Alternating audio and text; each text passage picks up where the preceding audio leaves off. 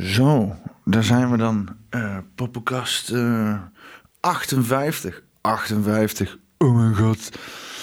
Uh, ja, ik, uh, er zijn wat dingen naar buiten gekomen met WOP-verzoeken. Daar heb ik de afgelopen week wat dingetjes over geuit. ja, ik, ik zit ook al een tijd op de Amerikaanse cultuur. Hè? Denk aan Edward Snowden en dergelijke ja, zaken die, die allemaal zijn, zijn uitgelekt. Hè? Want wat je dus had is in Amerika die Patriot Act. Ik ga even het volume van mijn scherm iets lager doen. Dan hoor je mij niet dubbel. De Patriot Act was daar uh, doorheen gedrukt door, uh, door Bush. En sindsdien kon dus inderdaad iedereen van, van, van inlichtingendiensten daar in Amerika op hun eigen volk spioneren. Onder het mom van terrorisme. En dat is aan alle kanten uit de hand gelopen. Dus daar wil ik jullie een beetje meenemen. Ik wil dat leggen tegen de inlichten, inlichtingendiensten in Nederland. Wat er allemaal gebeurt. hoe daar nu, wat het publieke debat is, zeg maar. En uh, ja, we duiken er gewoon in. Uh, dit is poppenkast nummer 58. Zeg nee tegen de NCTV. Of zeg gewoon eens nee tegen de NCTV. Zeg nee tegen de NCTV. NCTV? Nee.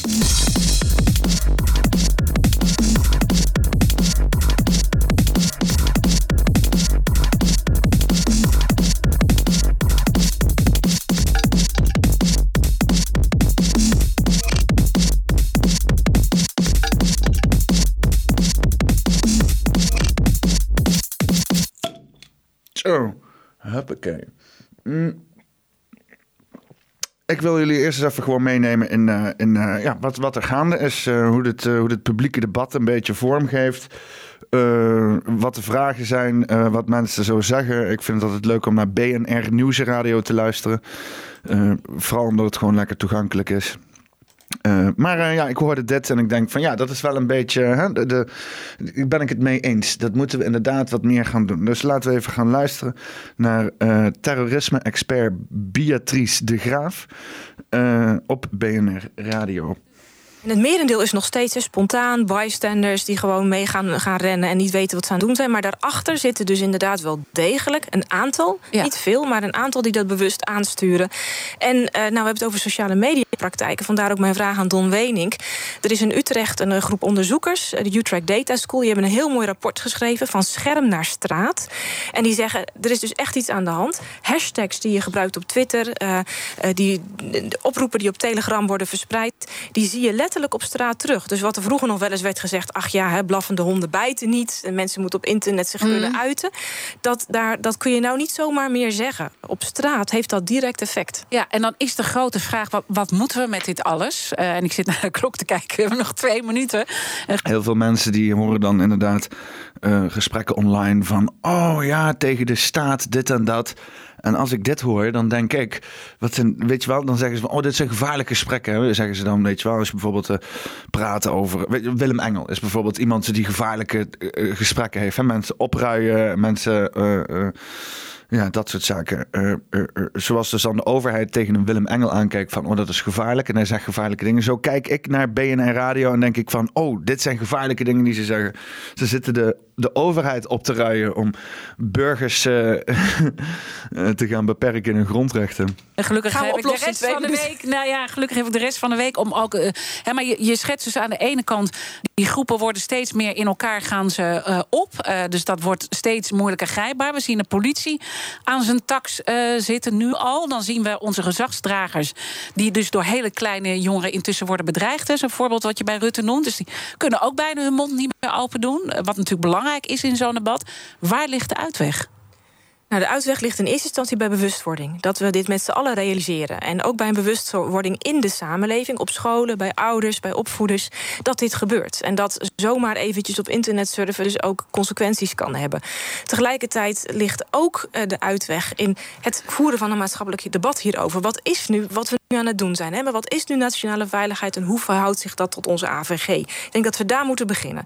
Ik kan natuurlijk allemaal concrete dingen gaan noemen, meer analysecapaciteiten, meer investeren. Maar mhm. dat dat ligt voor de hand. Ik denk eerst dat we dit debat met elkaar moeten hebben. Want je ziet nu heel vaak, er is een aanslag, iedereen schreeuwt moord en brand... en tv, de IVD krijgen de mensen bij. Dan is het weer een tijdje rustig, wij zien het niet. En dan schreeuwt iedereen weer moord en brand. Moet je zien wat ze aan het doen zijn nationale surveillance staat. Dus die balans... Daar we moeten ergens kiezen ook. Uh, kiezen uh, waar we voor willen gaan. Met elkaar daarover praten en prioriteiten stellen. Nou, hè, uh, um, ja, oké. Nou, laten we er eens over praten. Hè? Want uh, ik vind het eigenlijk een beetje laat. Want volgens mij zijn er al allerlei wetten ingediend, zoals de sleepwet, die allerlei uh, grondrechten beperken. Hè? Zonder dat iemand ook maar iets te maken ermee heeft. Word je zo meegesleepwet in een of andere actie tegen iemand anders. En dan liggen jouw gegevens weer op straat. Um, ja, dus om dan inderdaad anno 2022 eh, dan eens te zeggen van moet publiek debat zijn. Weet je wel, er zijn mensen die al heel lang publiek debat willen. Zoals een Edward Snowden op globaal niveau. En die wordt vervolgd en nu waarschijnlijk uitgeleverd naar Amerika. Waar die berecht zal worden en nooit meer het daglicht ziet. Dat soort mensen heb je ook in Nederland. Die er ja, ook al twee jaar lang gewoon eerlijk over willen praten. Van hé hey, luister, ik weet niet. Maar er zit best wel een uh, behoorlijke invloed vanuit de overheid hier op wat er, wat er allemaal in het publiek debat gebeurt. En, en een dikke vinger in de pap. Moeten we daar eens over hebben. En wat krijg je dan? Nou, er gebeurt verder niks en zo. Maar ja, oké. Uh, ik doe rustig aan. Er is een publiek debat. Hè? Misschien een beetje laat, maar afijn. Uh, eerst wat ik toch wel even wil aankaarten... is wat ik dus inderdaad meer heb gekregen van dat soort zaken in Amerika. Uh, de Patriot Act. Ik noemde dat net al eerder. wat is de Patriot Act? Want dat is natuurlijk zeg maar de grondlegger... voor al deze vrijheidsbeperkende maatregelen. Niet alleen wat we de afgelopen twee jaar hebben meegemaakt... maar eigenlijk sinds dat terrorisme een dingetje is. Hè? Sinds dat er zeg maar twee kantoorgebouwen in Amerika zijn omgevallen, uh, heeft de hele wereld zoiets van laten we terrorisme bestrijden. En onder dat mom worden dus allerlei wetgevingen doorgedrukt die niet goed zijn voor onze vrijheid. Hè? Dus uh, laten we even kijken wat er in Amerika is gebeurd. Het is inmiddels al zes jaar oud filmpje, maar er is even iemand die beschrijft van wat dan de Patriot Act is en hoe dat dan precies werkt en tot stand is gekomen. 15, the Federal Court of Appeals in New York ruled that the National Security Agency's collection of American phone records in bulk is illegal. Specifically, they ruled that the practice did not fall under the scope of the USA Patriot Act, which allows wiretapping of individuals to detect and prevent terrorism. So, what is the USA Patriot Act? Well, the USA Patriot Act is a 10 letter acronym for the Uniting and Strengthening America by Providing. Echt, hè? Die fucking Amerikanen. Hè? En dan, dan, hieraan kan je al zien dat toen die, uh, uh, deze, deze wet werd doorgedrukt na zeg maar de, de, de, 9, de 11 september aanslagen, dat er dus meteen al een US, USA Patriot Act was. Hè? En USA Patriot Act is niet zeg maar de naam, nee, dat is een acroniem voor Uniting and Strengthening America by Providing Appropriate Tools Required to Intercept and Obstruct Terrorism Act. Of 2001. Yo, dat verzin je niet daar even te plekken terwijl je hele stad in duigen ligt. Dat lag al klaar een tijdje. Providing appropriate tools required to intercept and obstruct terrorism act of 2001. It was passed swiftly by Congress following the terrorist attacks of September 11th and signed into law by George W. Bush in 2001. Later, when it was set to expire in 2011, Barack Obama renewed the law for another four years. The Patriot Act has been the subject of intense controversy. Although it was intended to prevent terrorist attacks, it has been accused of infringing on basic American civil liberties. It allows any law enforcement officials to skirt a U.S. citizen's Fourth Amendment protections against unreasonable search and seizure. The Patriot Act grants agencies like the FBI sweeping surveillance power over cell phone data, internet search histories, medical histories, library records, and any tangible thing for suspected terrorists. Critics note that because intelligence can be gathered secretly with little oversight, officials can easily abuse their power and falsely charge innocent people. The Patriot Act also allows for the indefinite detention of anyone, even non US citizens, without probable cause. The New York court recently Denk aan Guantanamo Bay. ruled against the NSA's mass phone surveillance program because the judges said it would be an unprecedented contraction of the privacy expectations of all Americans. Yet they also made it clear that if they wanted, Congress would absolutely be able to legalize the NSA's actions by passing new laws to that effect. However, they would not be able to use the Patriot Act in its current form to continue justifying the mass surveillance. The USA Patriot Act is set to expire in June 2015, and Congress is already discussing its renewal. despite massive opposition from numerous public figures. Ja, naar hem, Edward Snowden. Want zonder hem hadden we dit nooit geweten. Het is dat hij dus inderdaad vanuit binnen gewetensbezwaar had met alle praktijken die er gaande was, dat hij naar buiten is gekomen. En hij is daar nooit door de overheid, door geen enkele president voor geprezen. Hij wordt nog steeds staatsgevaarlijk gezien. Net zoals jij en ik staatsgevaarlijk worden gezien als wij dingen zien in onze overheid waar wij van denken van hé, hey, dit is niet oké, dat wil ik naar buiten brengen. Want dat wil de overheid helemaal niet. De overheid zit helemaal niet te wachten op compromat, op, op compromitterende uh, mensen. Weet je, de overheid wil gewoon zijn ding blijven doen. Dat hele kritiek op de overheid, zeg maar, dat is zo jaren negentig. Including senators, celebrities, and whistleblowers like Edward Snowden, President Obama has continued his support for the program. He maintains that there is suitable oversight to potential privacy abuses and that the program has had proven results against terrorist violence. Ja, dat zal. NSA surveillance will continue. Ik kan ook zeggen, weet je wel, van, uh, oh ja, nee, uh, uh, is dat zwaard niet een beetje groot? Ja, hoezo? Ik heb hier al honderden mensen mee vermoord. Maar verdienden ze het ook? Hè? Soms af en toe heb je gewoon een chirurgisch mesje nodig. En niet, niet, niet een of andere zwaard van zes meter. Hè? Dan de kans dat je dan iemands hoofd afhakt die misschien niet dat verdient, is heel erg groot. Maar eh, je moet, je moet het, het moet je maar boeien dan, zeg maar. Hè? To be a greatly divisive issue as the population continues to increase its digital footprint. If you're curious to dive deeper into why the NSA became the closest thing to Big Brother that the world has ever seen. Nou, uh, in ieder geval. Uh, uh, dus hoe staat het er nou inmiddels mee? Hè? Dus dit was een filmpje uit het, 2000, wat is dit? moeilijk lang geleden, hier 2015. Uh, dus dat is al zeven jaar geleden. Is die Patriot Act, is dat nou inmiddels dan al een keer weg? Hè? Is dat dan, is dat dan hebben ze het gelukt om dat dan uiteindelijk, weet je wel, want dat ding moest dan om de zoveel tijd uh, uh, vernieuwd worden. Is dat dan eindelijk weggestemd? Of, of in ieder geval niet vernieuwd? On March 10, 2020, Jerry Nadler proposed a bill to reauthorize the Patriot Act, and it was then approved by the majority of U.S. House representatives after 152 Democrats joined the GOP in supporting the extension. Uh, the surveillance powers of the Patriot Act needed renewal by March 15, 2020. And after it expired, the US Senate approved the amendment version of the bill. After President Donald Trump threatened to veto the bill, the House Representatives issued an indefinite uh, uh, postponement of the vote to pass the Senate version of the bill.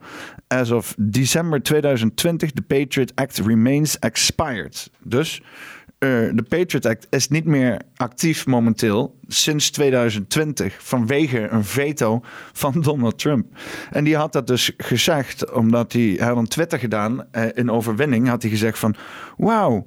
Uh, dit is een positieve ontwikkeling, helemaal in het daglicht van uh, Russia, Russia, Russia schandaal, zeg maar. Wat nu er ook eruit is, dat dat hele campagneverhaal dat dus Rusland uh, allerlei uh, invloeden zou hebben op de democratie, dat is al meerdere malen ontkracht. En het is ook wel meer, meerdere malen buiten gekomen dat het een hele hoax was opgezet door de, de Clinton-campagne. Ehm, zie je dus dat inderdaad geheime diensten ja, misbruik maken van hun positie om ook gewoon propaganda te, ja, weet ik niet, faciliteren op zijn minst. Uh, en het grappige is, je hebt een, een, stukje waarbij je dus inderdaad. Uh, die wil ik wel heel even erbij gooien. Uh, even kijken, hoe heet die? Kwalbak of Galbak, hoe noemt Lange Frans hem ook alweer? Lubach. Lubach. A-I-V-D. Um,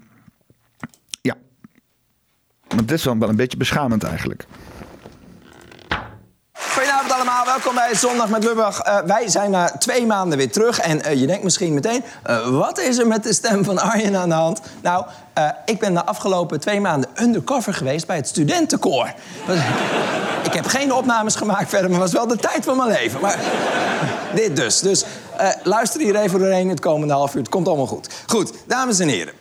de geheime dienst onze geheime dienst heeft de Russen gehackt. Yes!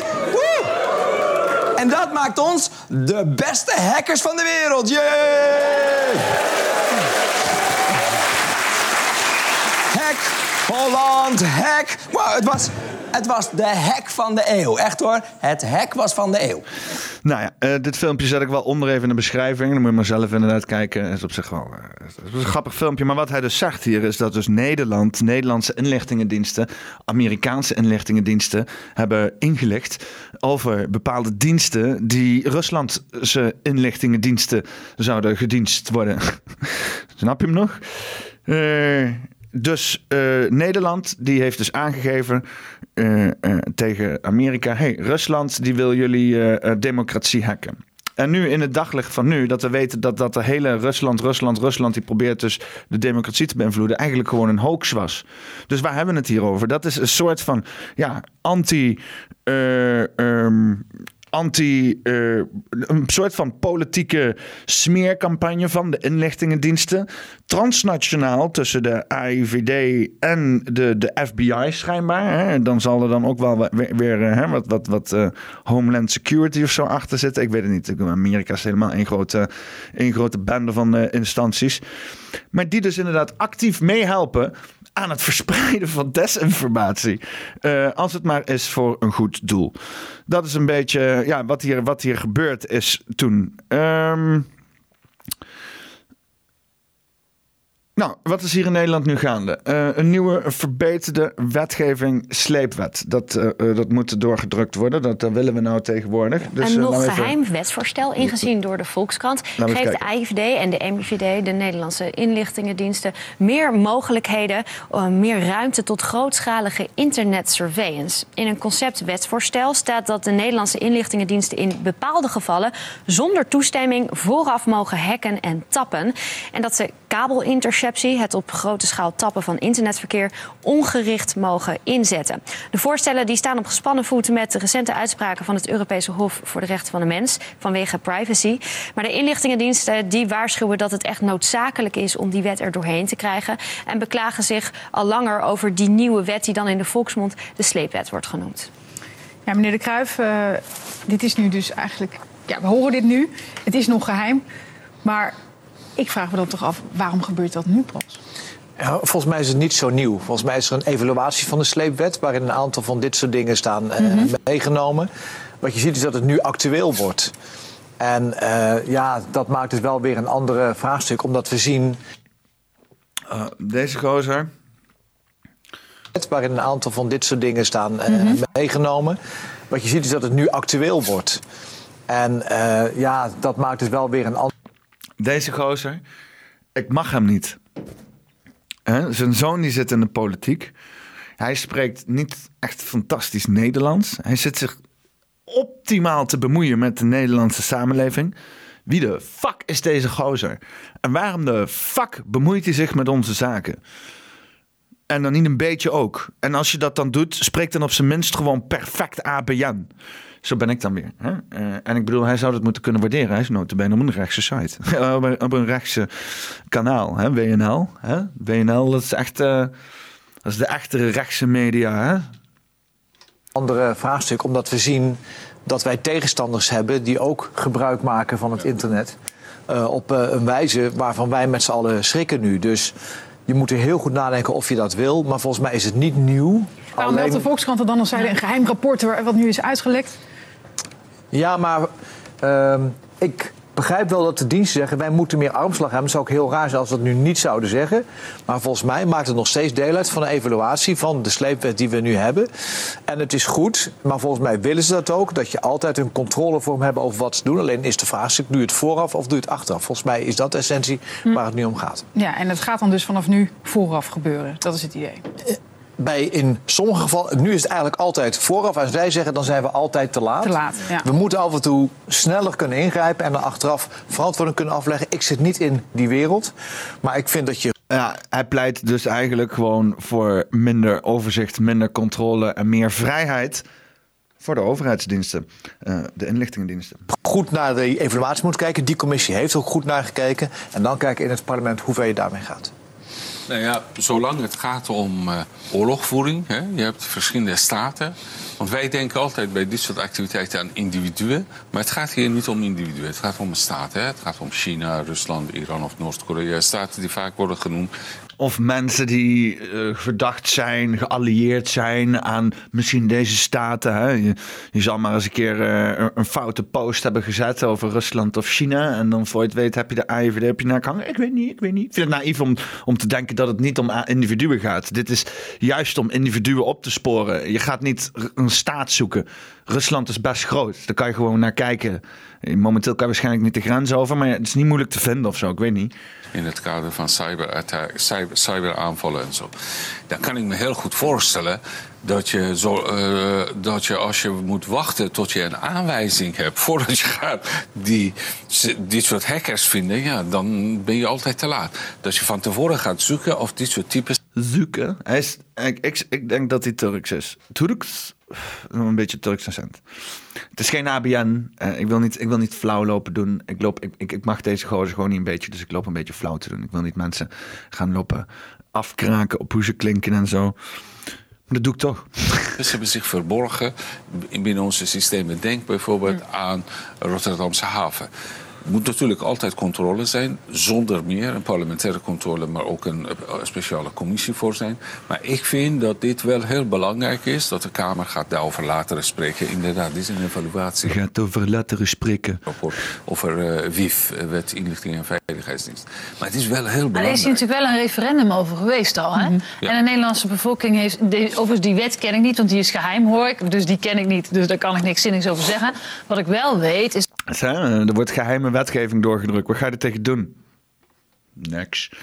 Ik zat over die slepen, die inlichtingen, dat daar een referendum over is geweest. En dat de Nederlandse bevolking heeft gezegd, dat willen wij niet. Bijvoorbeeld dat ongericht uh, tappen. Uh, dus ik denk... Maar ja, hè, Lilian uh, Marijnissen, en dat voorbeeld ga je nu ook aanhalen. Niemand luistert toch meer naar referendums. De, de, de stem van de burger is van lage kwaliteit, vinden ze. Hè? Ze, ze zeggen van, oh, oh, maar jullie willen dit niet. Nou, dan gaan we het wel anders voor elkaar krijgen. Ik denk dat het toch wel belangrijk is. Nu met Oekraïne komt ook het referendum over het associatieverdrag natuurlijk nog wel eens eh, naar voren. Ook Wouden we ook niet. Daar heeft de Nederlandse bevolking zich gewoon over uitgesproken. Nee, zeiden we. En ik denk wel dat het belangrijk is dat politici ook luisteren. En dat doen ze niet. Naar mensen. En, als ik en helemaal niet naar mensen. Dan nu zo'n Van der Leyen bijvoorbeeld van de EU heel makkelijk wil roepen van... nou, het is belangrijk, Oekraïne moet nu maar heel snel bij de Europese Unie komen. Ja, dan denk ik echt dat je mensen niet serieus neemt. En dat dat ook een reden is waarom steeds meer mensen zich, snap ik heel goed, van de politiek afkeren. Nou. Ja, hè? En uh, uh, Lilian die praat al de hele tijd dit soort taal, weet je wel, alsof het uh, of zoals ze oppositie is. Maar ze lult een beetje zalvend tegen allerlei best wel heftige problematiek aan. En dan gaat ze gewoon rustig een beetje, beetje ja, ik bedoel, je moet op een gegeven moment gewoon boos worden en zeggen, dit kan gewoon niet, weet je wel. Maar dat kan dus niet, want dan heb je de achter je aan. En dan komen we later nog wel op met die laatste ben ik het helemaal eens. Dat Van der Leyen moet niet uh, gaan allerlei landen uitnodigen om lid te worden Daar van de EU. Daar ook helemaal Daar niet over natuurlijk. jullie gaan en andere nationale parlementen. Met het eerste gedeelte ja, ben ik het niet mee eens. Kijk, toen over Oekraïne de Nederlandse bevolking een mening heeft gehad, geuit, is vergelijkbaar met. Stel je voor dat morgen jullie gaan gemeenteraadsverkiezingen winnen in Nederland. Dan, kun je, dan, dan, dan kunnen niet mensen zeggen: ja, maar vier jaar geleden dachten wij zo. Democratie betekent dat er constant meningen veranderen. Dus ook wetten kunnen veranderen. Ja, wat een kutargument. Hij zegt: uh, omdat jullie een uitgesproken hebben in een referendum, betekent niet dat het op een later moment weer anders kan zijn. Luister, deze hele referenda zijn gewoon om te toetsen of iets wel of niet draagvlak creëert. Kan je niet vervolgens een referendum houden, spreekt iedereen zich nee uit en dan vijf jaar later zeg je: ja, nee, maar nu zal het wel anders zijn. Oh, zullen we dan een referendum houden? Nee, die is afgeschaft. Ik denk dat als je nu een referendum houdt. Die niet gebeurt, want die is afgeschaft. Zowel over wief. Dus dat is leuk. Dat is leuk om te zeggen. Weet je wel. Nu durven ze dat te zeggen, dit soort dingen. Vroeger durven ze dat niet te zeggen, want dan moest je ook daadwerkelijk een fucking referendum houden. Als over Oekraïne, hele andere mening uit, uh, uit de bevolking. Ja, ik zou in elk geval zou ik de meningen van deze twee specialisten, die ik persoonlijk heel hoog heb, zou ik wel serieus nemen. Je moet er wel serieus naar kijken. Nou, hè, als nou ook nog eens een keer de meningen van het volk serieus worden genomen, dan, dan, dan komen we ergens. Ja, dus uh, wat we hebben is een uh, publiek debat. Uh, waar hè, dus schijnbaar gewoon maar rechten van de burger mag allemaal gewoon zo op straat geflikkerd worden. onder het mom van. Ja, dan voelen, voelen we ons veiliger. We hebben al een voorbeeld waarbij dus inderdaad dit soort activiteiten in Amerika helemaal de verkeerde kant op liepen. Waarbij dus inderdaad mensen niet alleen maar dat eh, terrorisme voorkomen werd, maar dat er ook gewoon terrorisme gecreëerd werd daar waar het misschien helemaal nooit was geweest, om het dan vervolgens te kunnen voorkomen. Uh, er zijn gewoon heel veel rare praktijken. Hè? Als, een, als een overheid, zo'n zo'n AIVD en MIVD, dat zijn tools. Dat zijn niet, heel veel mensen zeggen van, oh, daar zit dan de MIVD of de AIVD achter. Nee, dat zijn tools, dat zijn gereedschappen. En als je die hebt, dan zet je die in. Uh, Nou, ik, ik, kan wel even wat meenemen, zeg maar, in, wat de AIVD precies doet. De AIVD is de Algemene uh, Inlichtingendienst of zo. Verzameldienst. Algemene Inlichtingen en Veiligheidsdienst. Ik weet niet, maakt ook helemaal geen reet uit. IVD. Dat is in ieder geval een soort van de, de FBI of de CIA van Nederland. Hè? De, inlichtingendienst die uh, zorgen dus voor intel. En, uh, en, uh, en ja, die hebben dus wel bepaalde rechten. Hè? Die mogen dus inderdaad iets meer als de rest om ons allemaal dan te beschermen. In het begin was dat om ons te beschermen tegen kwade krachten van buitenaf. Maar nu wordt het steeds meer ons beschermen tegen kwade krachten van binnenuit. En dat, heeft, ja, dat gaat natuurlijk over ons. Dus wat doet de AIVD? Wat is de AIVD? Wat, uh, wat kunnen we verwachten van de AIVD? Uh, eh, wat is hier een stukje NMS over de AIVD? De AIVD. Bijna 1800 mensen werken hier aan de veiligheid van Nederland. Maar wat doen deze mensen?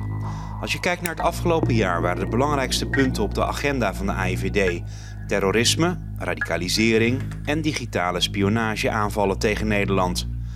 Vaak begint een onderzoek bij een tip, bijvoorbeeld van burgers of een inlichtingendienst uit het buitenland. De IVD gaat vervolgens gegevens verzamelen. Dat gebeurt meestal gewoon op het kantoor. Zo kijken ze bijvoorbeeld naar wat iemand post op Facebook of Instagram. Als daaruit blijkt dat iemand een gevaar vormt voor de nationale veiligheid, dan mag de IVD zwaardere middelen inzetten.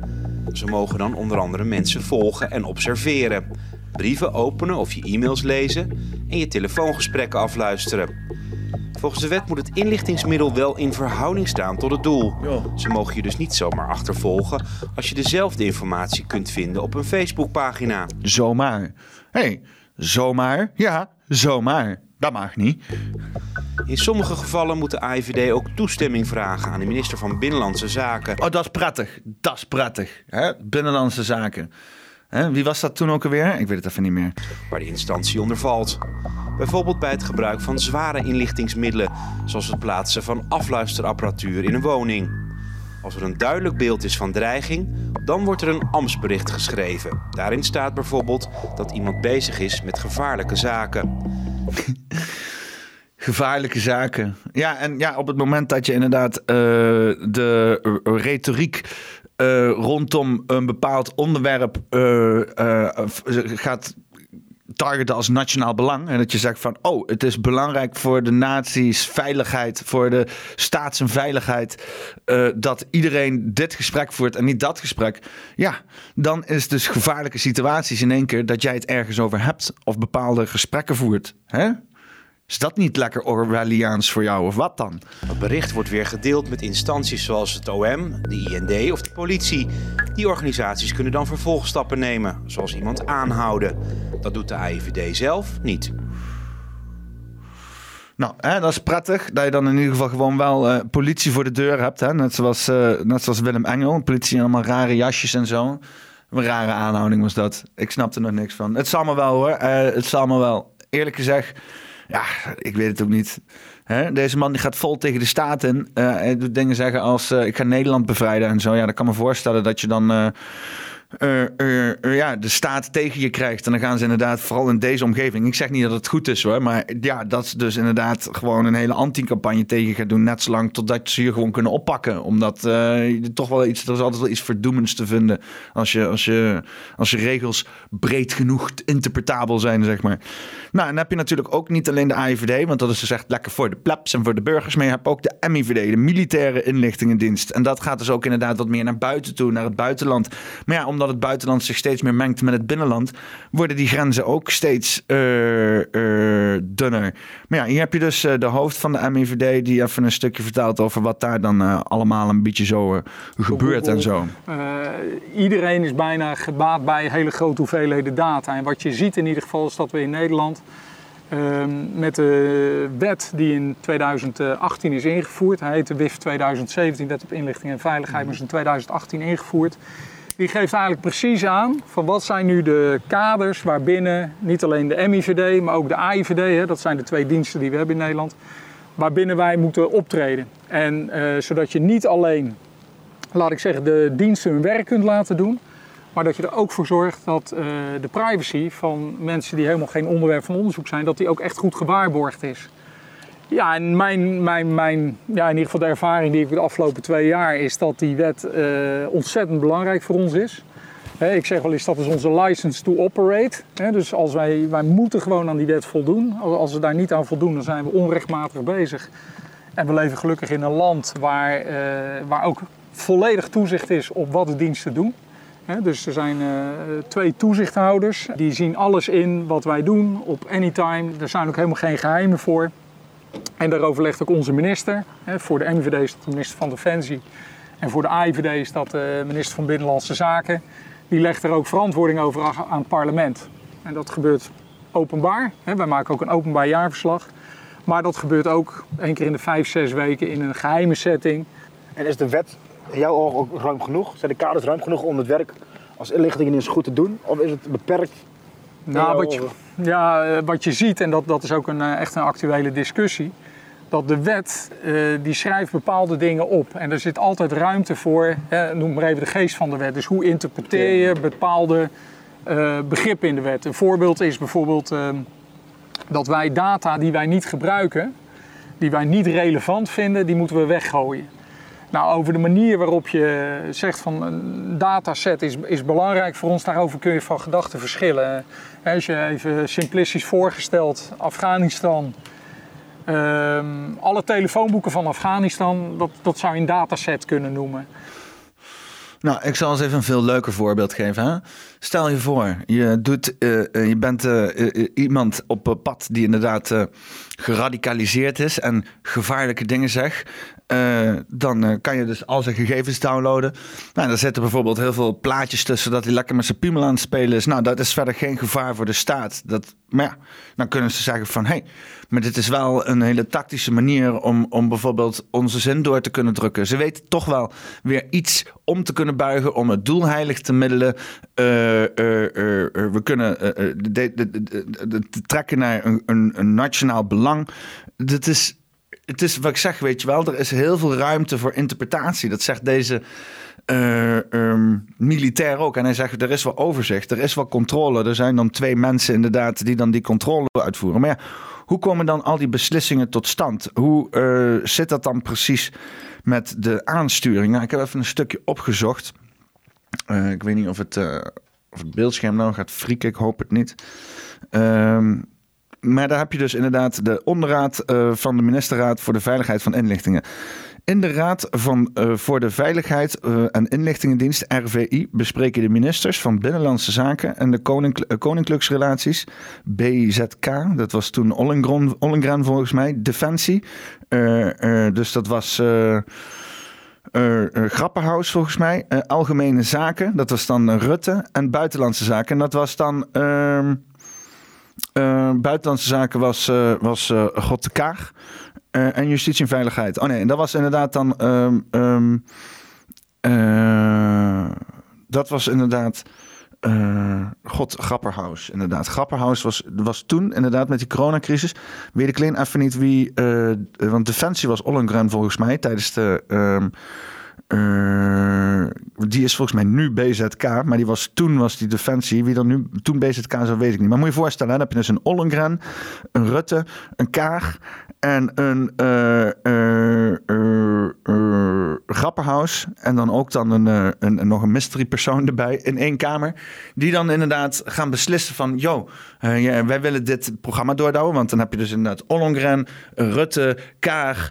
Uh, Grapperhaus, die zijn allemaal, zijn allemaal gewoon mensen die gewoon die, die, die hele 2030-agenda ondersteunen. Die willen graag gewoon extra surveillance in Nederland. Die willen gewoon meer controle. Die willen gewoon dat, dat, dat ja, hè, die, die, die nieuwe digitale wereld, waarbij ze ja, dat, dat, dat sociaal kredietsysteem-achtige situatie wat in China gaande is, zouden ze, zouden ze graag hier ook willen implementeren. Als je die mensen gewoon helemaal loslaat en dat niemand er kritiek op hebt, dan krijg je zo'nzelfde shit als in China. Dat kan ik, kan je donder op tegen zeggen. Want daar is gewoon praktische beredenering voor te vinden. Helemaal zoals je ziet hoe die mensen denken in de, in de zin van staatsveiligheid en, en alles moet, zeg maar. Er, er, ja, dat, hetzelfde als in Amerika gebeurt met Homeland Security.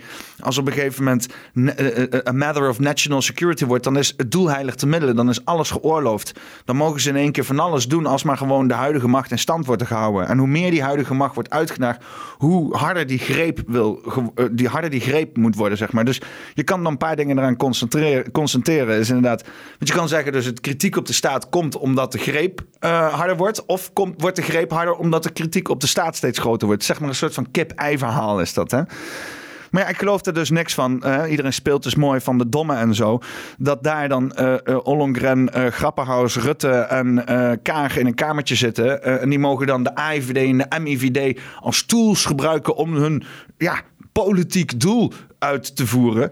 Uh, wat dus inderdaad op dat moment was uh, het in stand houden van de coronacrisis en al kritiek geluid uh, onderdrukken. Ik kan me niet voorstellen dat daar hele ethische keuzes zijn gemaakt. Ik kan me heel goed voorstellen dat daar beslissingen zijn gemaakt. Helemaal, ik bedoel, wie, wie is Kaag, wie is Rutte, wie is uh, Ollongren, wie is uh, Grapperhaus? Zien dit eruit als de meest ethische mensen? Dit zijn allemaal fucking leugenaars. Die hebben gelogen en gelogen en gelogen.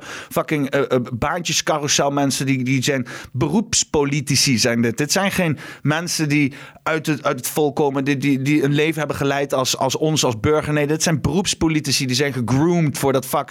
Keizer Ollengren en is notabene een jonkvrouw uit Scandinavië of zo. Dat heeft helemaal niks te maken met burgers die iets uh, regelen voor de burgers. Dit zijn elites die een veiligheidssysteem opzetten om hun elitaire macht in stand te kunnen houden. En dat doen ze door het gebruik van de AIVD en de MIVD. En als ze dus mensen van de AIVD en de MIVD kijken en denken: hé, hey, deze motherfucker is een gevaar voor de staat, dan denk ik hey, MIVD en AIVD-agent, als jij net zoals mij een gewone burger bent en niet een of andere geallieerde uh, blauw bloed aan, uh, aan, aan, aan Scandinavische royaliteit of betrokken bent bij een of andere globalistische forum waar maar allerlei megalomane, wereldse, utopische en voor sommige mensen dystopische ideeën worden geopperd, maar je bent gewoon een burger, hier in Nederland woont en je werkt hiervoor Misschien moet je eens een keer gewoon wat kritischer zijn naar binnen toe. En eens gaan afvragen van, hé, hey, kunnen we dit allemaal wel maken?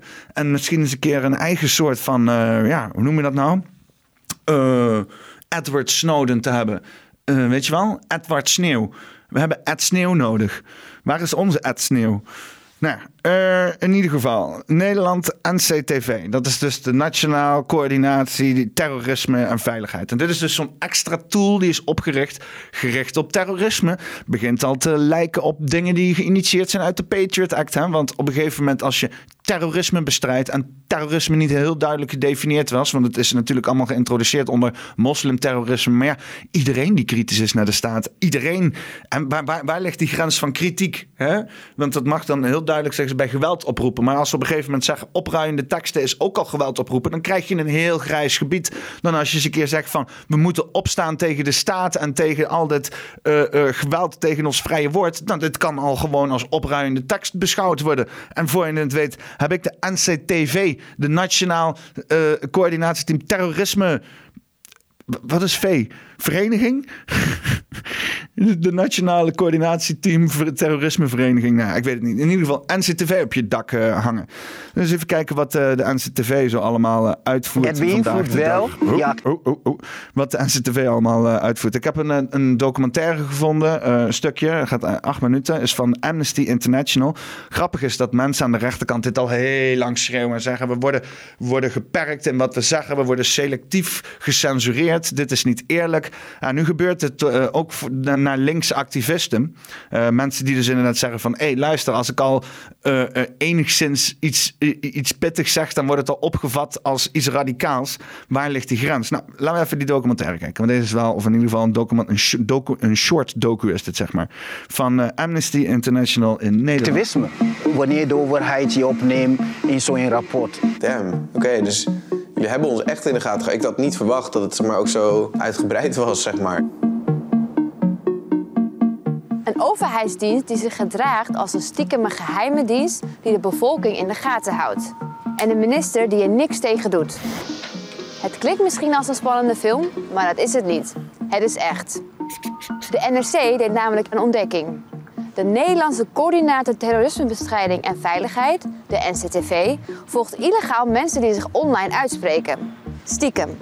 Van activisten van Kick-Out Zwarte Piet tot actievoerders tegen de coronamaatregelen. Allemaal werden ze in de gaten gehouden. En in plaats van dat de minister dit terugfluit, probeert hij de wet aan te passen, zodat dit opeens wel mag.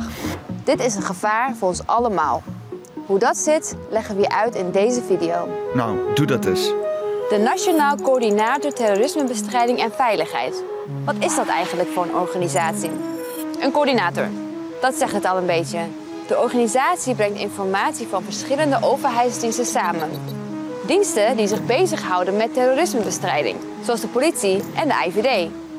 De NCTV maakt een analyse over de veiligheid en publiceert rapporten over het dreigingsbeeld in Nederland.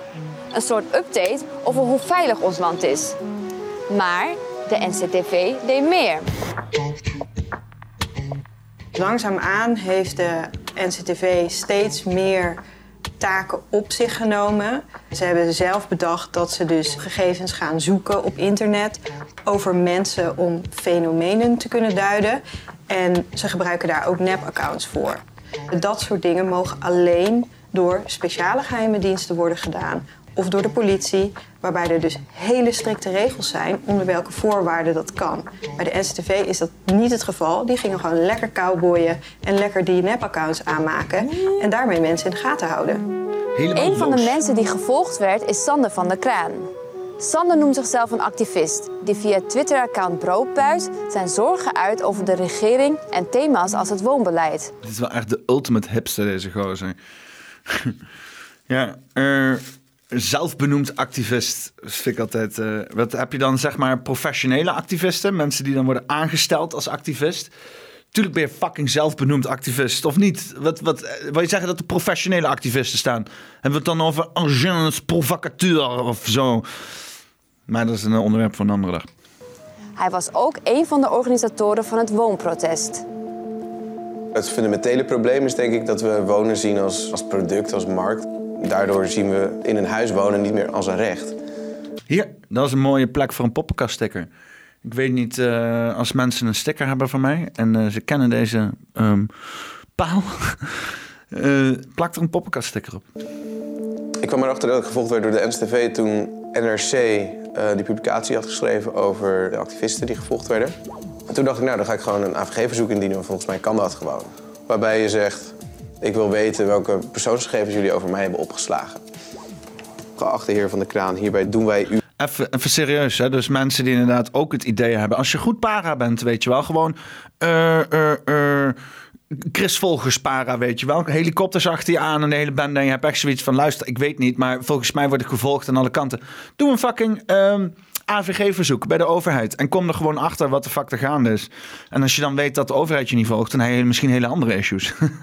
uh, niet zozeer dat je para bent, maar dat misschien andere mensen achter je aan zitten. Want ik heb liever de overheid achter me aan dan een of andere criminele bende. Dat moet ik je eerlijk toegeven. Besluit op uw inzageverzoek toekomen. Op het gebied van terrorisme, extremisme en radicalisering op het internet zijn discussies op de open online kanalen van Broodbuis bekeken. Als je pleit voor sociale huur voor iedereen, dat is zo'n radicaal idee. Uh, maar ik ben geen extremist. Ik ben niet bereid om geweld te gebruiken om mijn ideeën te realiseren. De ontvangers zijn hier de doelgroep binnen de NSTV, afnemers binnen de Nationale Politie, ministeries, gemeenten, het familiesteunpunt en andere veiligheidspartners. Whatever andere veiligheidspartners may be. Het systeem voelt zich blijkbaar bedreigd op een bepaalde manier door wat wij zeggen. En dat is iets schokkends. Wat je nu ziet gebeuren is dat wanneer de AIVD dat bijvoorbeeld niet mag, omdat er gewoon onvoldoende reden is om mensen in de gaten te houden, dat de NCTV dat dan wel even gaat doen. Want die heeft niet die strenge regels en die heeft niet dat strenge toezicht. Volgens de NRC volgden medewerkers van de NCTV via een nepaccount in het geheim honderden mensen en organisaties op Twitter, Facebook en Instagram.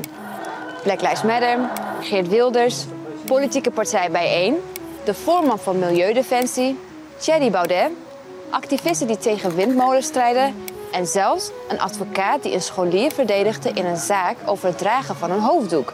Maar hou maar dat iemand de fucking VVD of de D66 onderzoekt, hè? Of, de, CDA wat dat betreft. Dat zijn de fucking grootste criminelen. En je weet wie erachter zit, hè? Dit is het fucking kabinet die dit allemaal doet. Onthoud uh, uh, dat kamertje. Fred Grapper, Vert Grap, Vert, Vet Grap, Grap, Grap, Grap Vetterhaus. Uh, Kajsa Ollongren, uh, jonkvrouw Kajsa Ollongren, uh, Kaag en Rutte in een kamertje. Hè, die veroorzaken deze shit. Onthoud dat. Zet het in je hoofd voordat je denkt van hoe komen dit soort beslissingen tot stand. Hun vier in een kamertje zeggen dit soort domme shit. En dan zeggen ze, misschien de NCTV, die heeft allemaal die regels niet. Dat klinkt als Rutte toch? Dat is een echte Rutte-doctrine shit toch? Kom op, laten we eerlijk zijn. Als advocaat doen we allerlei verschillende zaken rondom mensenrechten in Nederland. Rechtszaken die gaan over mensenrechten. Ja, dat heeft toch helemaal niets met terrorismebestrijding en veiligheid te maken. Maar ik kan me goed voorstellen dat andere advocaten of burgers die zich op dit thema willen inzetten, als die dan weten, ja, maar dan word je wel in de gaten gehouden, of in ieder geval bijgehouden bij, ja, de Nationaal Coördinator Terrorisme, Bestrijding en Veiligheid, dat ze dan denken, nou, ik ga toch maar niet met hiermee bezighouden. Nou, als er iemand kijkt van de NCTV, kom eens een keer langs. Dan gaan we hierover praten. Serieus. Hè? Gewoon lekker, lekker een bakje koffie. En gewoon eens goed praten over, over surveillance. Ik ben ook technoboy. Ik weet ook een beetje over al die digitale ontwikkelingen. En ik ben wel benieuwd, want ik ben niet per se tegen surveillance of tegen een staat die een bepaalde macht heeft om ons te kunnen beschermen. Hè? Een kasteelheer, boeren eromheen, goed deeltje sluiten. Maar het moet wel een deeltje zijn. Het moet niet een of andere koning zijn die ons terroriseert uh, tegen een of andere fictieve vijand die er niet is. Dus uh, dat dus. Ga toch maar even iets doen over minder ja, spannende onderwerpen. En dat is natuurlijk het laatste wat je wilt. Dus dat vind ik uh, echt wel heel ernstig. Als je weet dat je gevolgd wordt, word je misschien voorzichtiger in wat je zegt en doet. De NCTV brengt hiermee niet alleen het recht op privacy, maar ook de vrijheid van meningsuiting in gevaar. In een openbare publicatie van de NCTV werd de organisatie Kick-Out Zwarte Piet zelfs genoemd als mogelijke dreiging voor de nationale veiligheid. Welke impact had dat op voorman Jerry Afrije? Het was uh, voor ongeloof, want uh, je denkt, hè? Een rapport over terrorismebestrijding en extremisme. Wat doen wij daarin? Wij zijn gewoon vreedzame demonstranten die al jaren keer op keer aantonen dat je uh, op een vreedzame manier racisme kan bestrijden in Nederland of in ieder geval kan aankaarten. Ik moet heel eerlijk zeggen, hè, omdat ik dus schijnbaar ja, het hele speelveld links-rechts is helemaal opgeschoven. En ik ben vrijwel blijven staan. Dus ik bevind me in één keer in allerlei groepen met rechtse motherfuckers. Die inderdaad zullen claimen dat Kik uit Zwarte Piet een terroristengroep is. Maar daar gaat het dus fout aan. Dit hele heen en weer. Dit hele rechts die zeggen, oh die linkse organisaties zijn terroristen. En die, al die linkse mensen die zeggen, oh die rechtse organisaties zijn terroristen. En nu komt het op je eigen fucking bordje.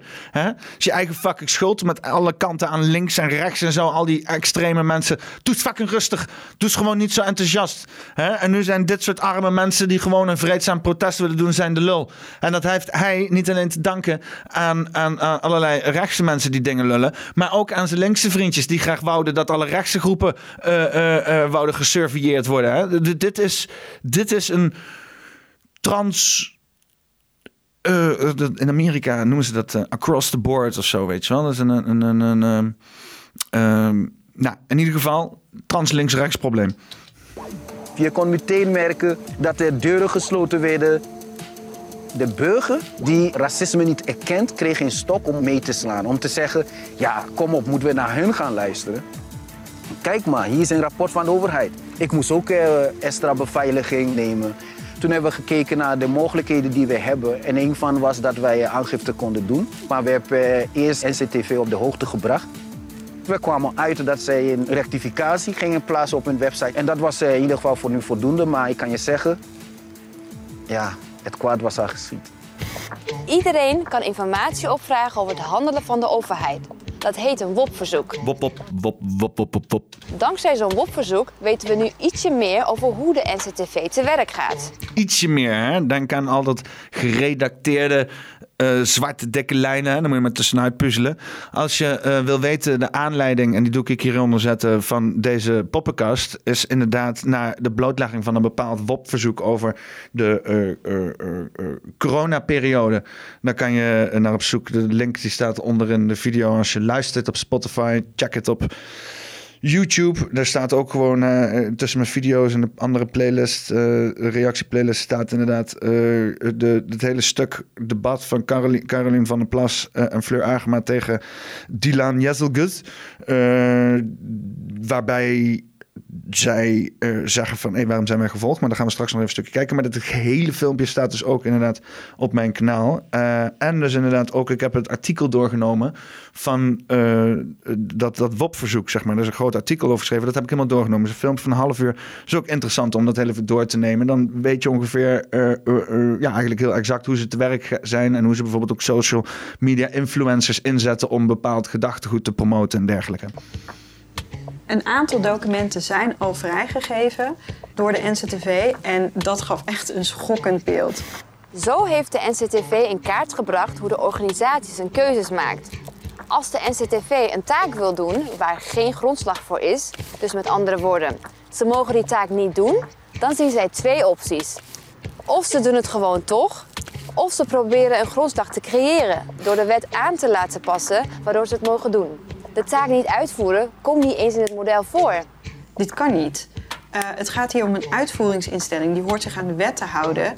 Die moet juist meer toezicht willen om te laten zien dat wat ze doen, dat dat klopt. Maar ja, dat is toch, is toch naïef om te denken dat inderdaad een organisatie die best wel macht vergaart en, en ja, macht heeft, zal vragen om minder macht. Ik bedoel, kom op. Hè? Je hebt toch ook gewoon gestudeerd. Kijk eens naar de vakken geschiedenis, mensen. Jongens, dit is, Oké. Nee, nee, nee, nee, nee. Ze zullen vanzelf wel vragen om uh, strakker aan het lijntje gelegd te worden. Niemand vraagt dat. Iedereen wil meer vrijheid. Een overheidsdienst die inbreuk maakt op privacy en de vrije meningsuiting bedreigt en daarmee de mensenrechten aan zijn laar stapt. Wat doet de minister daartegen? Ja, je zou denken dat als de krant bol staat van misstanden onder jouw ministerie, dat je direct met je ambtenaren gaat praten en ze terugfluit. Maar Grapperhaus deed eigenlijk het tegenovergestelde. Hij liet een wet schrijven om de illegale praktijken goed te gaan keuren. Er staat echt bijna niets in. Dus er wordt geen rekening gehouden met: oké, ze verzamelen de gegevens, maar wat mogen ze er dan mee doen? En wie controleert wat ze ermee doen? Je ziet echt dat deze wet haastwerk is, omdat ze zijn betrapt met iets wat ze niet mochten. Het is oh. aan de Tweede Kamer om dit absoluut tegen te houden. Dat moet. We mogen het niet accepteren dat de overheid zomaar een nieuwe geheime dienst opricht. Jij moet altijd overal vrijuit kunnen zeggen wat je vindt. Als er je activistisch uitlaat, mag je niet zomaar opeens gevolgd worden. Want een activist is geen terrorist. Ja, nou ja, hè, dus uh, mooi werk van Amnesty International. Uh, fijn dat ze dat doen. Een beetje jammer als dat dan van deze kant komt. Wel natuurlijk dan serieus wordt opgepakt en van de andere kant niet. Misschien omdat gewoon rechtse mensen zijn gewoon niet zo sympathiek. Hè? Mensen aan de rechterkant die uh, zijn gewoon niet zo sympathiek. Deugen niet zo en zo. En dat willen ze ook niet. Maar ja, dan moet je ook accepteren dat, dat, dat de meeste mensen iets hebben van... ja, zoek het maar lekker uit dan. En dat hebben rechtse mensen onderling ook zoiets. Die zeggen ook tegen elkaar, zoek het maar lekker uit. Dus dan moeten we het ook... Ik ik ben niet eens rechts, ik ben zo links als dat ze komen. Maar ja, rechtse mensen moeten het dan ook maar gewoon lekker zelf uitzoeken. Dus maar het is grappig dat dit dus inderdaad nu aan de andere kant van het spectrum, het politieke spectrum, ook plaatsvindt. En dat is logisch, want het is natuurlijk helemaal uit de hand gelopen, die inlichtingendienst en die vrijheden die de NCTV heeft.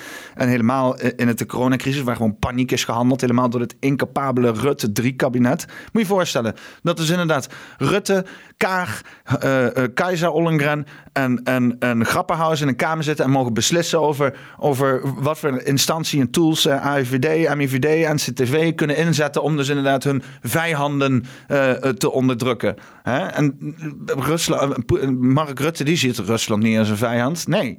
Die wat, wist, wat, was, wit, uh, was het geldwit van, uh, van Rusland? Hè? Kaag, uh, die had allemaal geen problemen met, met terrorisme. Nee, die wil juist inderdaad juist meer van die cultuur hierheen, weet je wel. Dus, dus er zitten hele rare belangen. Wat gebeurt daar? Wie, waar hebben zij de NCTV, de MIVD en de AIVD voor nodig? Niet voor dat soort dingen. Hè? Die zitten daar gewoon mensen die kritisch zijn op hun beleid, kritisch zijn tegen het kabinet te onderdrukken.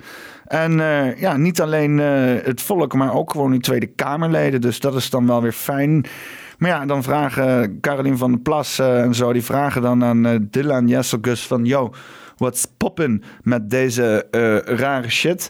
En dan krijgen ze dit soort antwoorden. Het gaat niet echt een paar dingen door elkaar. Ten eerste, er komt geen opdracht, STV heeft hier niks mee te maken.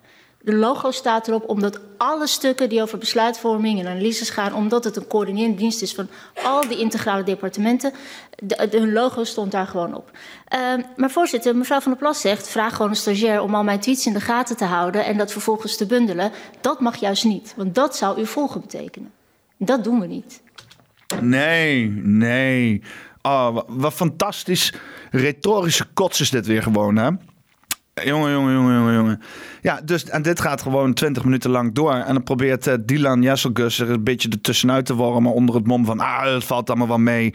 Loop niet zo te moeilijk te doen over je fucking rechten en zo. Hè? Uh, weet je, het is niet alsof je volgen op je Twitter-account. Nee, we doen het allemaal uh, via in, moeilijke en ingewikkelde modellen. Waar we het verder niet over te diep kunnen ingaan. Want dat is allemaal super psychologisch en technisch. En dat gebeurt maar gewoon omdat, ja, zo hebben we dat vastgelegd. Dat kan, hè. Dat, uh, zolang we het aan de NCTV vragen, dan is het allemaal maar prima. En, uh, maar hun doen het niet, hè. NCTV die coördineert het. Het logo staat er alleen op, maar hun doen niks. Dus je kan hun het niet kwalijk nemen. En de AIVD, de MIVD, die houdt zich gewoon aan de regels, weet je wel. Is gecoördineerd door het NCTV. Dat is inderdaad wel zo. Maar die hebben er verder niks mee te maken. Alleen het logo staat erop. Wat een rechtstreekse kots is dit weer van Dylan Jesselgus, onze minister van Defensie en shit. Uh, het is vreselijk fucking clownswereld dat ze hebben opgezet. Nou, uh, dus het publieke debat. Gaan we even weer terug naar uh, BNN Business, ja, ja. Oh, Business News Radio. En daar is uh, baas terrorismebestrijding uh, en ja, die is dus inderdaad, uh, uh, ja, die heeft, die heeft vrij weinig goeds te zeggen over wat er aan de rechterkant van het politieke spectrum gebeurt. Dat is de, de ik pak me even het rechts, de, de, de brieven van Christchurch of van Breivik zijn bijna enorm belangrijke, ik zeg het even met twee haakjes, heilige documenten in die scene. Ja. Want daar wordt uitgeput. Ja. Dan niet elke persoon die radicaliseert maakt de stap naar geweld. En, maar wij zijn natuurlijk juist bezorgd over ja. degenen die zo ver radicaliseren en eigenlijk het geweld uh, naar zich toe trekken. Dan wel aanjagers die het verheerlijken van geweld versterken ja. bij ons. En dat gaat echt over opmerkingen, het afknallen van Rutte. Hè? Dus dat, dat, ja. dat gaat al uh, dat gaat behoorlijk ver natuurlijk. Als het gaat over uh, onrust en chaos die je ook kan krijgen binnen een samenleving. als we dan het moslim-extremisme. ja, ik heb nog niet je vraag helemaal Even tussendoor, voordat iedereen elkaar onderbreekt. Gelukkig heb ik een pauzeknop. Haha. Moet je dus voorstellen, hè? je zoontje van uh, eh, 13 of gewoon je bent een of andere pik van 13. Hè? En je denkt even leuk te zijn en je zit een beetje je tienerfrustratie te uiten op je fucking chat, op weet ik veel, Telegram of zo. Het weet op de fucking NCTV aan je deur staan. Of misschien een hele groep aan geradicaliseerde volwassen mannen bij jou in de chat zitten. Omdat niemand weet dat je een fucking 13-jarig jongetje bent. En dat in een wereld met allemaal fucking chatbots en het, het is chaos. Het is chaos. En dan heb je een overheidsorganisatie die erin gaat zitten stoken. Dit is... gaat natuurlijk nergens over zo. Wat we nodig hebben zijn online therapeuten maar daar gaan, we gaan natuurlijk niks goeds doen in de wereld. Hè? We willen alleen maar onderdrukken. Oké, oké, sorry. We gaan terug naar baas terrorismeverspreiding bij Business News Radio. Sorry dat je, want je vroeg eigenlijk, is dat nou aan het anti-overheidsgeweld? Ja, goed dat je mij even scherp houdt. Ja, want anders dus, dan geef ik die vraag een antwoord. Dus dat rechts is een ontwikkeling. Ja. Vervolgens zien we dat we in dat anti-overheidsgeweld breed, maar je moet niet het etiket van rechts op het anti-overheidsgeweld plakken, direct. Daar zijn elementen die me raken. Het zijn soms dezelfde mensen die elkaar versterken. Maar we zien natuurlijk ook in religieuze gemeenschappen uh, dit ook uh, in klimaatgroepen. Dus het is een breder vraagstuk dan het is ook allemaal rechts. Dat moeten we zeker niet doen. Ja, en dat maakt het dus allemaal veel complexer. En dan kom je eigenlijk ook bij de lone wolves uit. Hè? Die, je noemde al even uh, de eenlingen. Daar hebben jullie ook zorgen over. Is dat alleen als het gaat over rechtsextremisme of ook over moslim-extremisme. Ja, het is natuurlijk veel makkelijker om een groep weg te zetten dan een of andere persoon die inderdaad niet per se een ideologie nastrandt. En helemaal als die kritisch is op de overheid, gewoon zegt: ah, fuck de overheid. En dan wil ik veel een van de rare shit doet. Je hebt ook bijvoorbeeld in China had je die Tibetanen, hè, eh, die zichzelf in de fik steken, die monniken. En dat waren ook eh, enkele acties. Hè. En dan, ja, dat was dan wel voor hun geloof, zeg maar. Maar dat was niet zeg maar een aanval. Nou ja, kijk, uh, ja, dat soort uh, zelfleed zie je hier in het Westen niet. We willen altijd destructie. Dus wel jammer is dat, hè? Dat we niet... Uh, nou ja, je wil natuurlijk ook niet dat allemaal uh, mensen zichzelf in de fik zetten en zo. Dat is natuurlijk ook niet charmant. Maar in ieder geval gewoon wat, wat, wat vreed, vreedzamer zouden zijn. Hè? Het is allemaal inderdaad zo super agressief. En dat leidt dus allemaal tot dit soort dingen. Hè? We krijgen dus nu ook een super agressieve overheid. Nee, ik, dat, ja, ik praat liever niet over lone wolves. Daar zit een soort Robin Hood-achtig iets aan. Hè? Lone wolf. Het ja, het klinkt spannend. Ik wil het echt de, de Plus, je moet je bedenken dat dus inderdaad zo'n lone wolf ook heel makkelijk gefabriceerd kan worden. Hè? Je hebt daar heel weinig integriteit voor nodig. Uh, zo'n ding als... Uh, de, God, weet die gozer nou die Pim Fortuyn het neergeknald...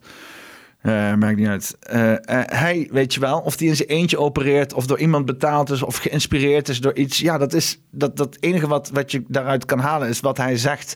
Weet jij veel of dat de waarheid is? Dus ja, het is natuurlijk ook, ja, je kan ervan maken wat je wil. En zo'n overheid wil natuurlijk niet dat mensen dat gaan gebruiken om anti-overheidssentiment op te roepen en dat soort zaken. Dus het is heel belangrijk dat dat soort dingen in de kiem worden gesmoord voordat inderdaad iets betekenisvols gebeurt tactieken van afhalen.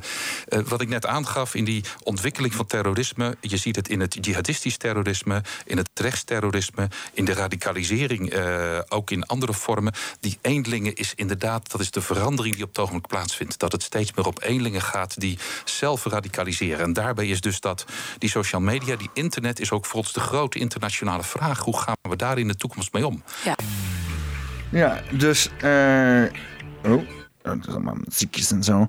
Uh, eenlingen. Hè? Dus inderdaad, gewoon uh, mensen zoals jij en ik. Uh, wij zijn eenlingen. Hè? Jij bent een eenling. Die, jij, jij, jij kijkt nu, jij bent in je eentje en je bent een ling. Hè? Je bent misschien wel in een groepje met mensen, maar zomaar ben je soms wel een eenling. Hè? Je, je weet niet wat er kan gaan gebeuren. Voor hetzelfde gaat als je in één keer gelabeld wordt of als de kaarten anders geshuffeld worden en worden wat pionnetjes omge, omgestoot, dan in één keer ben je wel een eenling.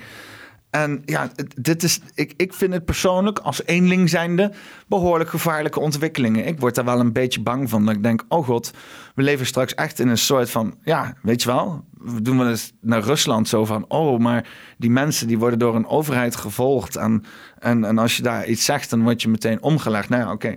Wij worden dan niet vergiftigd en naar de gulag gestuurd. Maar we worden toch zeker wel, weet je wel, de, de soort daarboven, zeg maar, gemanipuleerd en anders opgesloten. Op zijn minst de mond gesnoerd. Of gedisqualificeerd door een of andere smaad, uh, lastige smaadcampagne, uh, worden we dus inderdaad gewoon, ja, hebben we, ja, is dus die, die macht die nu in de overheid gaande is, die, die, die Rutte, de Rutte-kartel of zo, ik weet niet hoe je het wil noemen. Misschien gaat het al veel langer als dat, maar Rutte die is wel vrij lang het kopstuk in elk geval. Uh, houdt zichzelf in stand. Niet vanwege democratie, maar vanwege manipulatie, vanwege afdwingen, vanwege angst zaaien. En juist op de kritische vlakken. Mensen die in het midden zijn, die, die krijgen dat allemaal niet mee. Mensen die niet radicaal zijn of, of activistisch, hè, die gewoon een ding doen.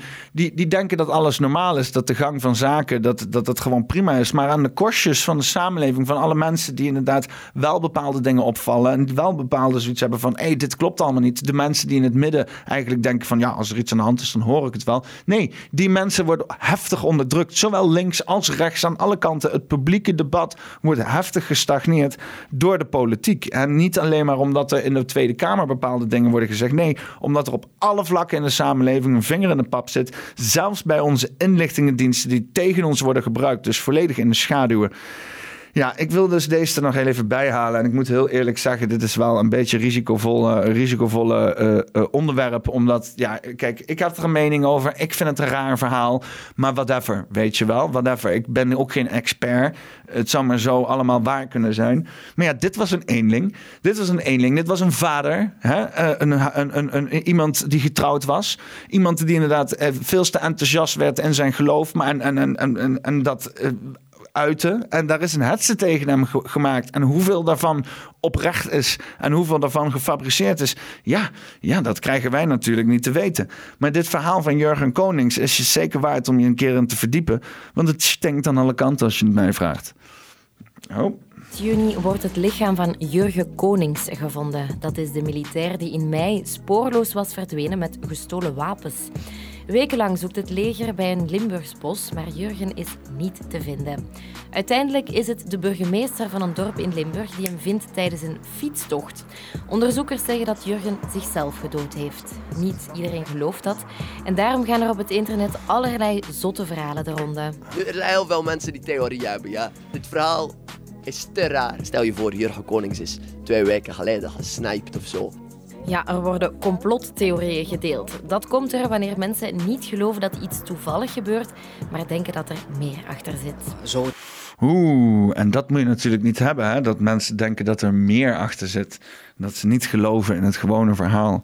Ja, dat hele Jurgen Konings ding, ik, het blijft mij irriteren, het blijft me etteren, weet je wel. En ik denk ook dat zoiets had voorkomen kunnen worden. Want die gozer was dan inderdaad misschien geradicaliseerd. Maar in plaats van dat dat op een gezonde eh, manier benaderd wordt. Met inderdaad community. En dat ze ook een, een bepaald podium en een plekje geven voor dat soort mensen die die gedachten hebben. En dat je dat probeert te koesteren. En misschien inderdaad uh, uh, wat minder extreem te maken. Nee, je probeert het gewoon de kop in te drukken. Hè? En, en je zegt gewoon tegen de, de persoon die het meest enthousiast is, die, die, die, die, die leidt je een fuik in van, van misgedrag.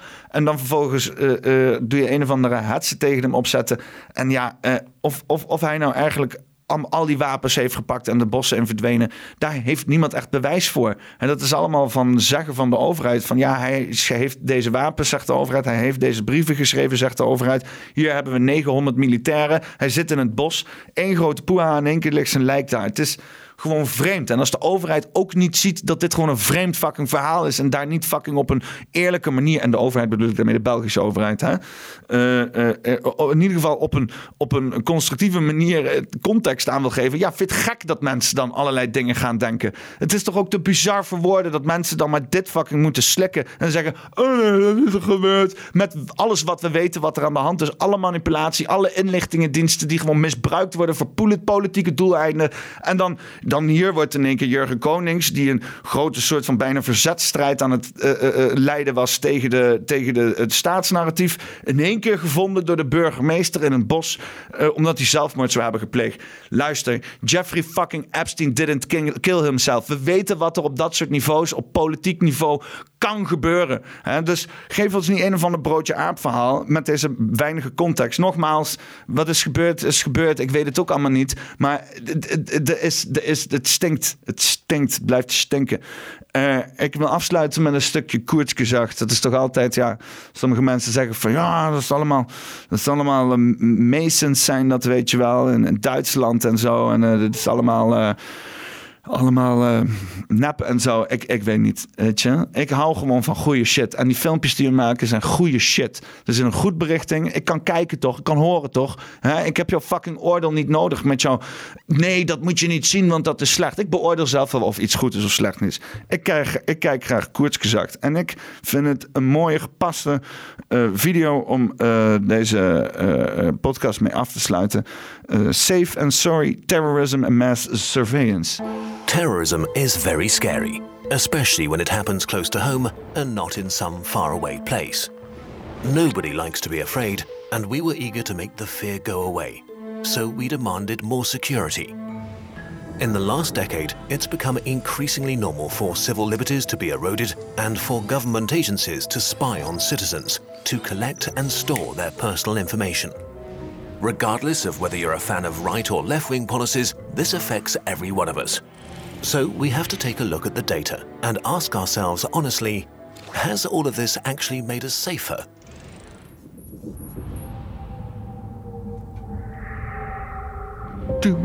Oh, krijg je niet intro?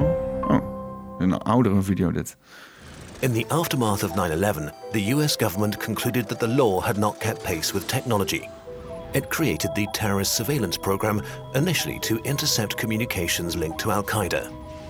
Officials were confident that if the program had been in place before 9 11, the hijackers could have been stopped. But soon the new powers were also used to prove guilt by association. The FBI used immigration records to identify Arab and Muslim foreign nationals in the US. On this basis, 80,000 individuals were required to register, another 8,000 were called in for FBI interviews, and more than 5,000 locked up in preventive detention. Not one terrorist was found in what's been called the most aggressive national campaign of ethnic profiling since World War II. How commonplace it's since become for government agencies to collect and store the personal data of citizens was made plain by the leak of the Snowden documents in 2013. They showed how the NSA can demand information about users from firms like Microsoft or Google, in addition to their daily collection of data from civilian internet traffic, such as email content and contact lists. So instead of focusing on criminals, governments are increasingly turning their attention to everyone. But if you're looking for a needle in a haystack, adding more hay to the stack isn't going to make it any easier to find the needle. On the contrary, every recent success announced by the NSA has come from classic target surveillance. Despite high hopes, the NSA surveillance program has not stopped any major terror attack. For instance, one of the Boston Marathon bombers was already a target of the FBI. So, what we need is not even more random data, but better ways to understand and use the information we have. Spy agencies are also pushing to cripple encryption. In early 2016, the FBI asked Apple to produce a backdoor program to disable the encryption of a terrorist's iPhone. Apple publicly declined, not only because this tool could be used to permanently weaken the privacy of law abiding citizens worldwide, but fearing to open the floodgates for governments requesting access to a technology used by billions of people. A fear shared by security experts and cryptographers. A few weeks later, the FBI revealed that they had hacked the phone themselves, basically admitting that they lied to the public about the need for a backdoor which questions how trustworthy spy agencies are in the debate about privacy and security. Especially considering that the NSA, for example, already has the capability to turn on your iPhone microphone or activate your laptop camera without you noticing. Concerns about this are often met with the argument if you have nothing to hide, you have nothing to fear. But this reasoning only creates a climate of oppression. Wanting to keep certain parts of your life private doesn't mean you're doing anything wrong. Right now, we live in a democracy. But imagine the damage the wrong person could do with all our data and such easy access to our devices. Een beetje voorbarig om hier een Trump-achtig cartoon neer te zetten, aangezien hij. Maar dat, waarschijnlijk is deze video eerder, maar zo zie je maar weer hoe, zelfs ook hun inderdaad beïnvloed kunnen worden door, door al die uh, ja, uh, imago en slechte, slechte retoriek die gecreëerd wordt rondom zijn persoon, hoeveel hoe invloed dat kan hebben. Maar hij heeft dus Trump een stop gezet tegen die Patriot Act. Hij heeft een veto uitgevoerd. Dus dit is totaal onterecht. Ze zouden hier een Bush-plaatje van moeten maken. Maar ja, afijn, we gaan verder. Anti-terrorism laws allow the authorities to investigate and punish non-terrorism related crimes more aggressively. If you give law enforcement powerful tools, they will use them. That's why democratic oversight is so important. Even if those tools and laws aren't used against you today, they might be tomorrow. En dat worden ze zeker. Dit is nog een pre-corona filmpje. For example, following the November 2015 Paris attacks, France expanded its already extensive anti-terrorism laws by giving law enforcement greater powers to conduct house raids and place people under house arrest. Within weeks, evidence emerged that these powers were being used for unintended purposes such as quashing climate change protests. The governments of Spain, Hungary, and Poland have introduced more restrictive laws on the freedom of assembly and speech. Freedom of expression and the press in Turkey has been seriously undermined in the last few years, with people sentenced to prison for criticizing the government. None of this is effectively helping us fight terrorism. The motivation behind this might be good, even noble, but if we let our elected governments limit our personal freedom, the terrorists are winning. What's worse, if we're not careful, we might slowly move towards a surveillance state. The data is pretty clear. The erosion of rights along with mass surveillance hasn't led to significant successes so far, but it has changed the nature of our society. Terrorism is a complicated problem without simple solutions. No security apparatus can prevent a few guys from building a bomb in their basement. We should keep the principle of proportionality in mind. Creating master keys to enter millions of phones is not the same as searching a single house. Ja, het is een beetje ook een soort wat de sleepwet is. Hè? Dus dat ze gewoon maar iedereen mogen hacken onder het mom van doelheiligde middelen. In most countries, the law already permits a wide range of actions, including targeted surveillance. To take full advantage of this existing potential, we need better international cooperation and more effective security and foreign policies. Better application of our present laws instead of new and stricter ones that undermine our freedom. Let us not, out of fear, destroy what we are most proud of democracy and our fundamental rights and liberties. Nou, het is inderdaad wel grappig, want deze video is uh, van 2016. Dus het is alweer uh, zes jaar geleden. Mijn god, zes jaar geleden. Hè? En uh, toen zeiden ze van, oh, laten we dit niet doen. Nou, we zitten er nou middenin, mensen. We zitten er middenin. Onze eigen inlichtingendiensten die worden tegen het volk gebruikt, tegen de politici gebruikt om ja, negatieve uh, berichtgeving over hun beleid te onderdrukken. Dat is gewoon precies hetzelfde wat Rusland doet met journalisten gewoon de mond snoeren. Of China doet met inderdaad alleen maar eenzijdige informatie aan het volk geven. Dat is in essentie hetzelfde. Alleen het is alleen, uh, uh, het, het is gewoon autoritair in meer stappen, weet je wel? Ja. Um, Kijk, ik heb, ik heb in, mijn, in mijn mind heb ik een uitweg hiervoor. Maar dat betekent dat op politiek niveau mensen daarvoor moeten gaan strijden. Weet je. Dit is de reden waarom ik voor de Piratenpartij heb, gekozen. Omdat hun eigenlijk die individuele vrijheid op het internet heel erg hoog hebben zitten. En dat is wat, wat eigenlijk we moeten beseffen. Want er wordt altijd, dat gesprek wordt altijd in de, in de, in de kop gedrukt. Of wordt de kop ingedrukt. Dat gesprek wordt de kop ingedrukt. Altijd als iemand zegt, ja, we moeten onszelf individueel goed beveiligen niemand, we hebben recht op, uh, op privé uh, uh, omgeving waar niemand in kan, waar we zelf controle over hebben. En dan zeggen ze ja, maar als je slecht bent, willen we je kunnen aanpakken. Ja, luister, uh, moet je je voorstellen in de fysieke wereld dat iedereen maar gewoon, dat de overheid je voordeursleutel heeft, alleen voor de zekerheid dat je maar geredvlekt wordt. Luister, als de overheid zoveel, uh, zoveel risico ziet in jou, dan moeten ze ook maar wat tijd en moeite investeren om jou te pakken. Weet je wel? Als het zo makkelijk kan, dan wordt het ook maar voor Jan en allemaal ingezet.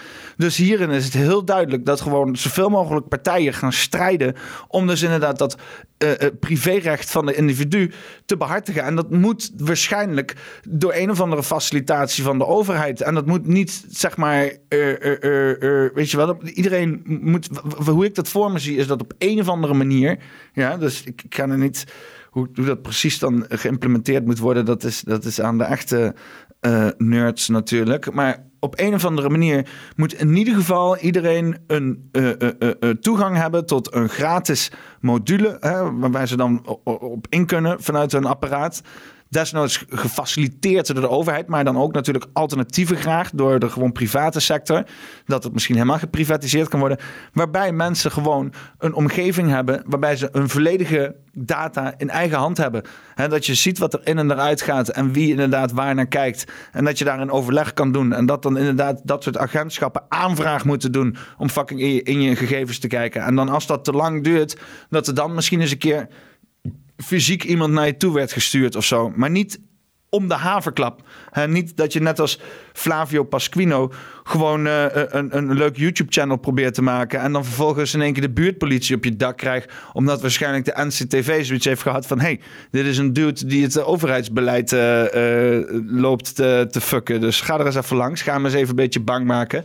Want dat is wel hoe die politici denken. Hè? Die gebruiken alle middelen om hun doel te, te behartigen. Hè? Dat is politiek. Dat is om dus inderdaad alles eraan te doen om te krijgen wat je wil. En als dat soort mensen, en dat krijgen ze, hè, toegang hebben tot dit soort tools, ja, dan is het einde nabij. Dan krijgen we nooit meer een, een, een democratie. Dan wordt die democratie gewoon gegijzeld door de hoeveelheid macht die die mensen hebben gekregen. Ja, dat is een beetje eh, waar ik nu ben. En ik, ik, denk niet dat we die macht kunnen wegpellen. Maar wat we moeten doen is onszelf beveiligen als volk. Als wij allemaal een stelletje ninja's zijn, internet ninja's in Nederland. Dan is dat niet alleen goed voor onszelf hier in Nederland, maar ook voor onszelf tegenover het buitenland. Dan kan niemand in, Nederland, in de wereld kan de Nederlanders vinden. Ik zie dat voor me als zeg maar dan de overheid met wat bedrijven. En het wordt dan een of ander collectief initiatief En dan heb je een, een, een soort van programma dat zeg maar een soort van Tor-netwerk, Onion Router, VPN-staal is ingericht. Maar dan super efficiënt op een manier waarbij er niemand uh, van buitenaf in kan. En waarbij jij kan gewoon verdwijnen. En daar kan je dan in die omgeving deze digitale informatie die je allemaal bij je moet hebben in deze nieuwe tijd. Hè, met, of je nou wil of niet, we gaan full digital. In ieder geval ergens. Als je dat niet wil, dan, dan word je waarschijnlijk een of andere Amish-achtige culture. Maar we gaan, dat gaat gebeuren. Maar dat kan, ik zie dat alleen maar gebeuren op een goede manier als je echt totale uh, uh, controle hebt over je eigen data. Dat je echt kan zeggen van, van, van nee, uh, weet je wel, niemand kan daarbij, niemand kan je zomaar trekken. je kan daar veilig al je geld en al je gegevens inslaan en geen instantie kan daarbij. Alleen maar met jouw goedkeuring. Alleen maar met jouw goedkeuring kan jij bijvoorbeeld bepaalde gegevens delen met mensen voor bepaalde tijd of bepaalde aspecten van die gegevens. Ja, dat, dat, dat is, zoiets moet het gaan worden in mijn ogen. Hè, maar we hebben niet eens, we hebben niet eens de, de persoonlijke. We komen niet eens in de buurt van dat gesprek. Het gaat allemaal, dat hij gehoord, gaat allemaal over het versterken van, van, van, van de, de inlichtingendiensten. En dat ze nog meer regels moeten krijgen. Want de maatschappij wordt steeds gevaarlijker. En we moeten de individu kunnen aanpakken. Ja, dat is toch vreselijk. Dat is toch vreselijk wat er gebeurt, mensen. Doe er eens iets aan. dus, uh, maar ja, weet je, ik, ik weet niet. Ik weet niet. Ik heb gisteren heb ik ook uh, een, uh, uh, een avond bijgewoond waarbij Arno Wellens en Sven Hulleman aan het spreken waren. En dat eindigt ook allemaal op een duistere toon. Hè? We zitten met z'n allen alleen maar problemen aan te wijzen, maar niet echt de oplossingen te geven. Ik heb die oplossing wel en dat is inderdaad gewoon een softwareprogramma waar iedereen toegang tot heeft, waar al hun persoonlijke gegevens quantum secured, uh, uh, uh, bitcoin, achter de, alle technologieën helemaal secure zijn. Dat iedereen gewoon weet, weet je, dat moet de basis zijn. Er moet gewoon een nieuwe basis gelegd worden voor het internet, wat gewoon als eerste laag heeft security, zeg maar. Hè? En dan misschien een beetje, beetje, beetje quantum en zo erbij. ja, het is nauwelijks een oplossing. Het is, uh, het is, het is nauwelijks een idee. Dus laat staan een oplossing. Nee, maar ik, ik, ik, er zijn wel politieke, of er zijn wel potentiële mogelijkheden in die hele super digitale wereld waarbij je inderdaad, hè, want ik moet heel eerlijk zeggen, ik kom ook om in de papieren en de bureaucratie en wordt helemaal niet, helemaal niet goed van al die fucking shit die ze van je willen, weet je. Dus ik wil dat ook gewoon gestroomlijnd hebben. En ze gaan dat aan ons verkopen dat we allemaal gestroomlijnde relatie met de, met de overheid hebben, maar dat gaat dan ten koste van onze eigen uh, uh, uh, vrijheid, weet je wel. Dan, dan moeten we in één keer allerlei dingen blootgeven en daar ben ik het niet mee eens. Hè? We moeten een eigen persoonlijke digitale omgeving hebben waar niemand bij kan, geen overheid geen bedrijf, zelfs niet je buurman, zelfs niet je moeder. Gewoon jij is van jou. En jij, hè, als ze dat van je willen, informatie, moet ze naar je toe komen en dat vragen. hey, mag ik die informatie van je? En dan kan je altijd nog wel een of andere juridische zaak of politie zo van maken als iemand weigert fucking informatie op te geven. Als, hè, maar dan moet je dus moeite doen. En dan moet zo'n persoon dus ook interessant genoeg zijn en niet zomaar fucking Jan Alleman gaan lopen spioneren omdat het toch maar kan. Dat is, dat is gewoon, hè, als het kan, dan doen ze het. En ze doen het. Dat heb ik denk ik nu inmiddels wel bewezen. Zeg nee tegen de NCTV, Poppenkast 58. Ik wens jullie nog een uh, fijne voortzetting van whatever de fuck je aan het doen bent. En uh, geniet een beetje van het leven natuurlijk. Ondanks dat de NCTV zit mee te kijken.